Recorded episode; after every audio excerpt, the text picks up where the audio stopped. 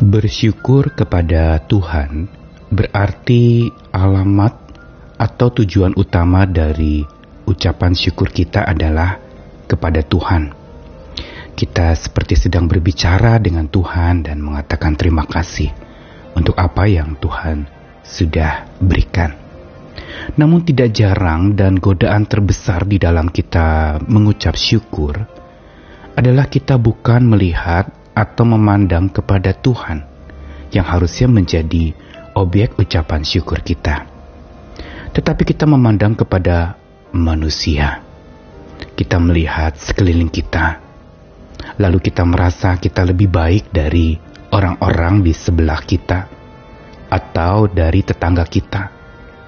Kita mungkin lebih berhasil daripada orang-orang yang banyak kali gagal. Atau kita sakitnya lebih ringan daripada orang yang sakitnya itu lebih parah. Dan berbagai macam godaan-godaan di dalam kita bersyukur untuk memandang kepada manusia. Bukan kita alamatkan kepada Tuhan, tetapi malah kita alamatkan kepada diri kita sendiri dan juga dengan melihat kepada orang lain. Padahal harusnya kita belajar bagaimana bersyukur yang benar adalah bersyukur yang Sungguh, bukan karena kita lebih baik dari orang lain atau merasa lebih baik dari orang lain, tetapi bersyukur karena Tuhan yang Maha Baik tidak pernah lepas dari hidup kita. Saya Nikolas Kurniawan kembali menemani di dalam Sabda Tuhan. Hari ini dari perumpamaan yang Tuhan Yesus ajarkan dalam Lukas 18 ayat 11 sampai 13. Orang Farisi itu berdiri dan berdoa dalam hatinya begini, Ya Allah, aku mengucap syukur kepadamu, karena aku tidak sama seperti semua orang lain. Bukan perampok, bukan orang lalim, bukan pezina, dan bukan juga seperti pemungut cukai ini. Aku berpuasa dua kali seminggu, aku berikan sepersepuluh dari segala penghasilanku. Tetapi pemungut cukai itu berdiri jauh-jauh, bahkan ia tidak berani menengadah ke langit. Melainkan ia memukul diri dan berkata, Ya Allah, kasihanilah aku, orang berdosa ini. Kisah yang baru saja dibacakan adalah sebuah kisah yang Yesus sampaikan ditujukan kepada orang yang menganggap dirinya benar dan memandang rendah semua orang lain. Khususnya memang di dalam konteks itu adalah orang-orang beragama yang selalu merasa diri benar dengan segala hukum-hukum, dogma, atau doktrin agama mereka. Dan bukan itu saja, kecenderungan yang terjadi adalah mereka meremehkan orang lain, memandang rendah semua orang lain. Dikatakan demikian di dalam ayat 9. Karena itu Yesus mau mengajarkan tentang dua orang yang pergi ke bait Allah untuk berdoa. Satu seorang yang terkenal kental agamanya, yaitu orang-orang Farisi. Dan yang satu lagi adalah pemungut cukai yang notabene sering digelari sebagai para pendosa yang patut dihukum. Namun di dalam konteks cerita Yesus sampaikan tentang bagaimana sikap dari keduanya itu. Orang Farisi datang dengan memuji diri dan mengucap syukur sambil melihat kepada orang lain dan merasa diri tidak sama dengan orang lain. Merasa diri paling benar. Mengaku bukan perampok, bukan orang lalim, bukan pezina, bukan juga seperti pemungut cukai. Dan tentu saja di dalam doanya ini tampak sekali arogansi keagamaan yang muncul.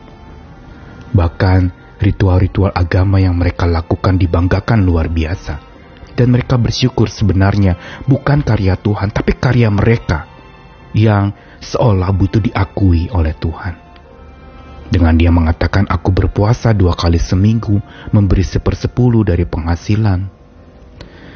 Dan kita lihat kisah ini benar-benar menjadi sebuah alat tegur buat setiap kita.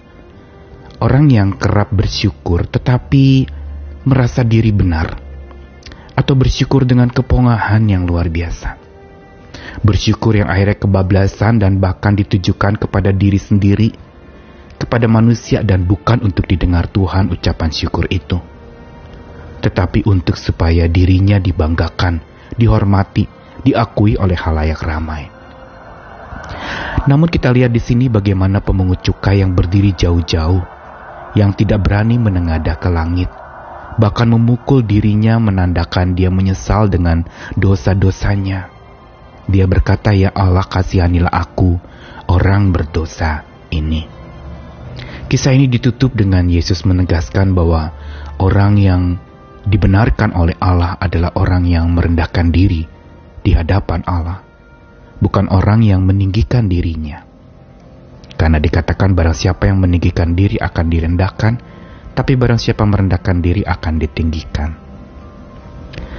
Apa yang ingin diajarkan tentang ucapan syukur di dalam bacaan tadi? Kita diajarkan untuk tidak bersyukur karena merasa diri lebih baik dari orang lain. Walaupun kerap kali kita lakukan. Aduh untung, saya senang sekali karena saya tidak semenderita dia.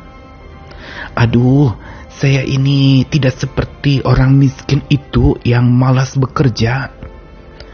Dalam ucapan syukur itu terjadi sebuah peremehan. Terjadi sebuah cara pandang yang rendah kepada orang lain yang menderita, dan menganggap diri benar. Ini adalah penyakit rohani yang paling sulit ditangani dalam hidup iman orang percaya.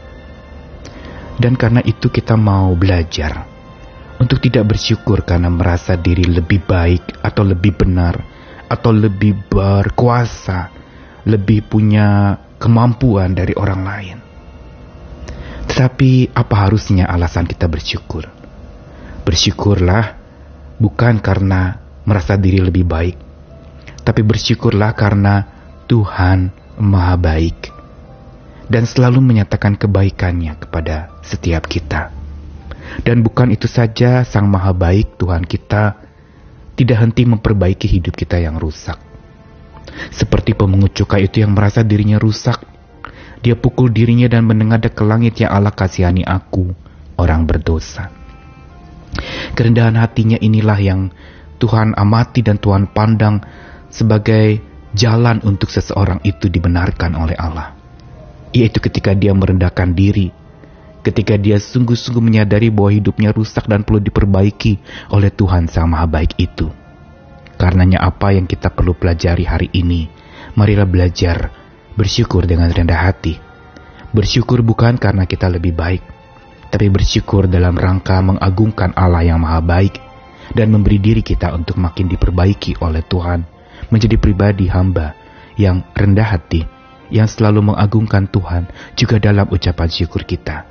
Bukan berbangga diri untuk sebuah pencapaian, tetapi ingat betapa Tuhan yang tidak pernah capai untuk membimbing dan menyertai hidup kita, bahkan melindungi kita pada saat di mana kita terancam hidupnya. Tuhan mengasihi kita sekalian, selamat bersyukur dengan benar, biar khasiat ucapan syukur yang benar itu kita alami karena kita lakukan dengan cara yang benar, yaitu merendahkan diri di hadapan Tuhan Sang Maha Baik dan sedang memperbaiki hidup kita. Amin.